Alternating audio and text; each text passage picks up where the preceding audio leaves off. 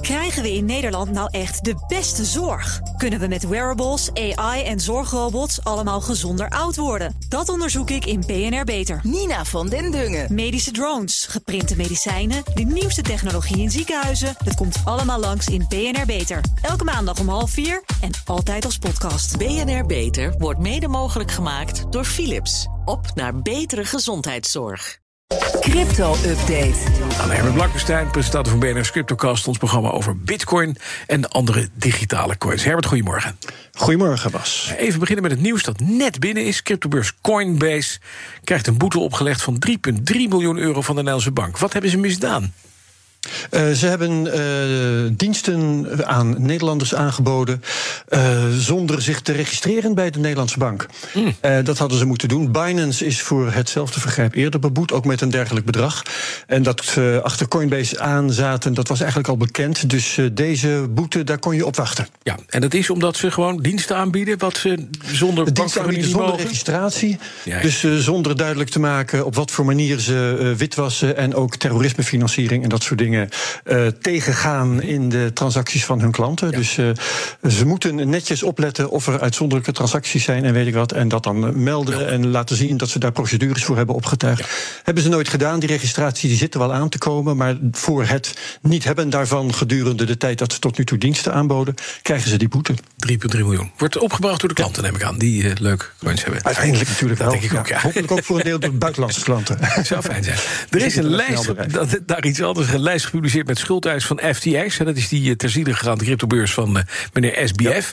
En daar staat uh, ja, iedereen op. Jij ook? Nee, nee grapje. Maar daar staat, daar staat iedereen op. Want, want ja. ja. iedereen staat erop als het om bedrijven gaat. Ja. De particuliere rekeninghouders, was ik trouwens niet bij, nee. uh, die, die blijven anoniem. Gelukkig. Het is een document van 115 pagina's. Mm -hmm. Nou ja, en uh, er circuleren nu allerlei leuke selecties over wie er dan op staan. Bedrijven uit de cryptowereld, natuurlijk. Coinbase hebben we hem weer. Binance Capital Management, onderdeel van Binance. Chainalysis, Yuga Labs, Silvergate.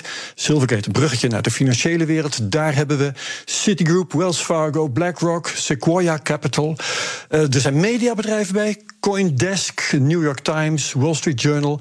Netflix is dan mijn bruggetje naar de techbedrijven Apple, Amazon, Meta, Google, LinkedIn, Microsoft, Twitter. en niet te vergeten, overheden uit allerlei landen, waaronder bijvoorbeeld de Amerikaanse Belastingdienst. Oh. Ja. En die zijn crediteur van. Ja, dat, je begrijpt dat ik nogal op. Huh, denk. Oh, ja, hadden die dan een crypto-rekening? Ja, nee, precies. nee, nee. nee. Nee, uh, de, zo werkt dat niet. Uh, als crediteuren van FTX, ja, wat is dan je voorgeschiedenis? Uh, mm -hmm. Sommige daarvan hebben gewoon geld geleend ja, aan. FTX en zijn daardoor schuldeiser. En dat kan zijn geweest voor de bedrijfsvoering, maar ook misschien wel van hier heb je geld, ga dat maar investeren. Um, andere schuldeisers zijn leveranciers gewoon. Hè. Ruimte in de cloud heeft FTX gehad en hadden ze voor moeten betalen. Misschien ook wel broodjes en pizza's. Mm -hmm. En de Belastingdienst. En de overheden van, overheden van ja. allerlei Amerikaanse staten... die wachten gewoon op hun belastinggeld. Ja, natuurlijk. Ja. Ja, um, bedragen staan niet in het document. Dat komt misschien nog wel. En uh, we mm-hmm. kunnen ongetwijfeld nog veel meer pikant nieuws tegemoet zien hieruit. Zeker. En dan zijn vrouwen en senioren in opmars op de crypto, cryptomarkt. Laat een nieuw onderzoek zien. Het, het wordt een oude, mannen, oude vrouw, oude mannen dingetje. dat kan nog wel even duren. Nee, maar de geschiedenis is, is, zich aan het herhalen. Dat is het aardige. Um, net als het internet zelf was crypto om te beginnen iets voor jonge mannetjes. En met internet is dat natuurlijk al lang goed gekomen. Um, en nu is er een enquête van eToro, een online handelsplatform is dat. Die hebben 10.000 mensen geënquêteerd in 13 landen, vooral westerse landen, maar wel op drie continenten. Daar komen deze trends uit. En dan zie je dat de crypto-acceptatie onder mannen inderdaad een beetje stilstaat. Van 42% in het derde kwartaal van 2022 naar 43% in het vierde. En intussen gaat het onder vrouwen hard van 29 naar 34 procent. Dus dat is een mooie inhaalslag. En dat vind ik wel stoer van de dames, zo midden in die slechte markt waar we in zitten. Ja, tot zover de dames. Nu de oudjes, ja. reken ik mezelf toe. 5 procentpunt meer ouderen bezitten crypto. Herbert. Ja, ja, oud voor cryptobegrippen ja. uh, moet je je realiseren. Oh. Uh, het gaat om de leeftijdsgroep 35 tot 44 jaar. Mm -hmm.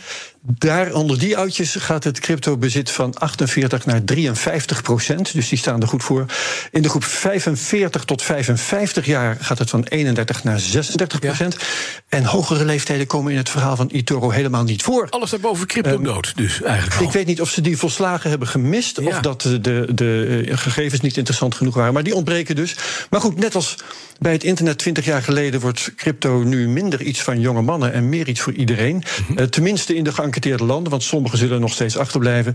Uh, maar we weten ook dat in landen als bijvoorbeeld Nigeria en Vietnam, uh, dat die daar al verder in zijn. Ja. ja. Dan in een Europees wetsontwerp komt te staan dat banken 2% van hun reserves mogen aanhouden in crypto. Dat is op zich wel nieuws. Want die banken die zijn allemaal niet zo heel erg uh, uh, nee. ja, happig, hè? Niet zo, nee, precies. En dat ze het mogen wil ook nog niet zeggen dat ze het gaan doen. Uh, het wetsontwerp is het nog maar. Dat is goedgekeurd door de Commissie Economische Zaken van het Europarlement. Dat is het nieuws. En daar staat ook in dat die cryptoreserves gedekt moeten worden door een uh, veel hoger bedrag in euro's dan waar ze formeel voor staan.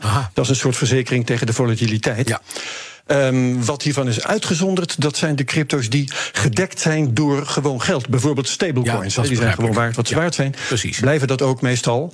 Um, en nou moet nog wel het Europarlement hierover stemmen. Daarna de ministers van Financiën in de Europese Raad. Dat is allemaal langdurig en zo. Dus voordat dat allemaal geldig is, uh, moeten we nog even op wachten. Ja, nou heeft Jamie Dimon, uh, een baas van de grote bank, JP Morgan, de man die heel kritisch is altijd over Bitcoin, de lachers in de cryptowereld weer op zijn hand.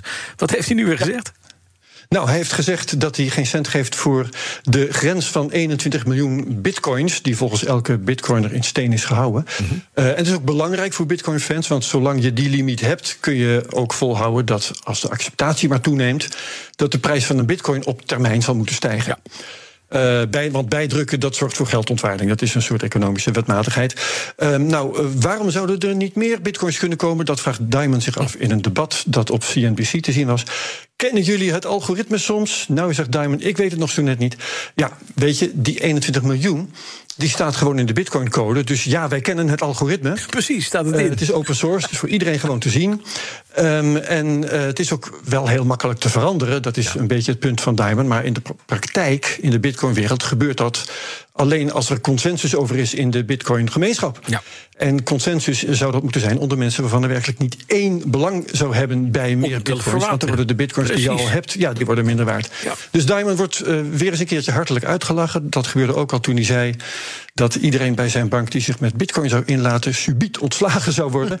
En JP Morgan is intussen op heel redelijke schaal wel met bitcoin bezig. Ja, nog hij dat zelf weet, weet ik niet. Maar het, is maar, het, doet me, het doet me een beetje denken, Herbert, aan destijds George W. Bush. Die had het altijd consequent over de internet dacht dat er ja, meer. Ja, en het was een, een series of tubes. Een stel ja. pijpen was. Precies. Daar stelde hij zich dat voor. Ja, precies. Nou, dus ja. Morgan heeft in dezelfde klas gezeten, denk ik. Wat heb je in de CryptoCast de deze week?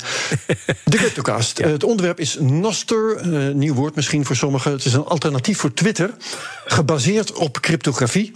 En daardoor niet vatbaar voor controle en moderatie. Uh, even los van of je dat gewenst vindt, ja of nee. Mm -hmm. um, wij hebben het over de vraag of het handig is, zo'n nieuw alternatief. Net nu er een alternatief is, Mastodon, dat ja. een beetje lijkt aan te slaan. Maar goed, potentieel is Noster wel veel meer dan uh, weer een nieuwe Twitter. Het is een hele nieuwe laag bovenop het internet. met allerlei onvermoede mogelijkheden die we proberen bloot te leggen. En ook nu nog vrij van vervelende mensen. En ook vrij van de invloed van maar hoe lang de commercie. Gaat dat nog duren? Daar hebben we het ook over pas. Ja, dus inderdaad, is een goed uh, punt. Ja. Dankjewel, Herbert Blankenstein. Alle afleveringen van de CryptoCast zijn te beluisteren via de BNR-app, bnr.nl of de uh, podcast-app van jouw voorkeur. En, uh... Crypto-update wordt mede mogelijk gemaakt door BitTonic. Al tien jaar lang de Bitcoin-autoriteit van Nederland. Krijgen we in Nederland nou echt de beste zorg? Kunnen we met wearables, AI en zorgrobots allemaal gezonder oud worden? Dat onderzoek ik in BNR Beter. Nina van den Dungen. Medische drones, geprinte medicijnen, de nieuwste technologie in ziekenhuizen. Het komt allemaal langs in BNR Beter. Elke maandag om half vier en altijd als podcast. BNR Beter wordt mede mogelijk gemaakt door Philips. Op naar betere gezondheidszorg.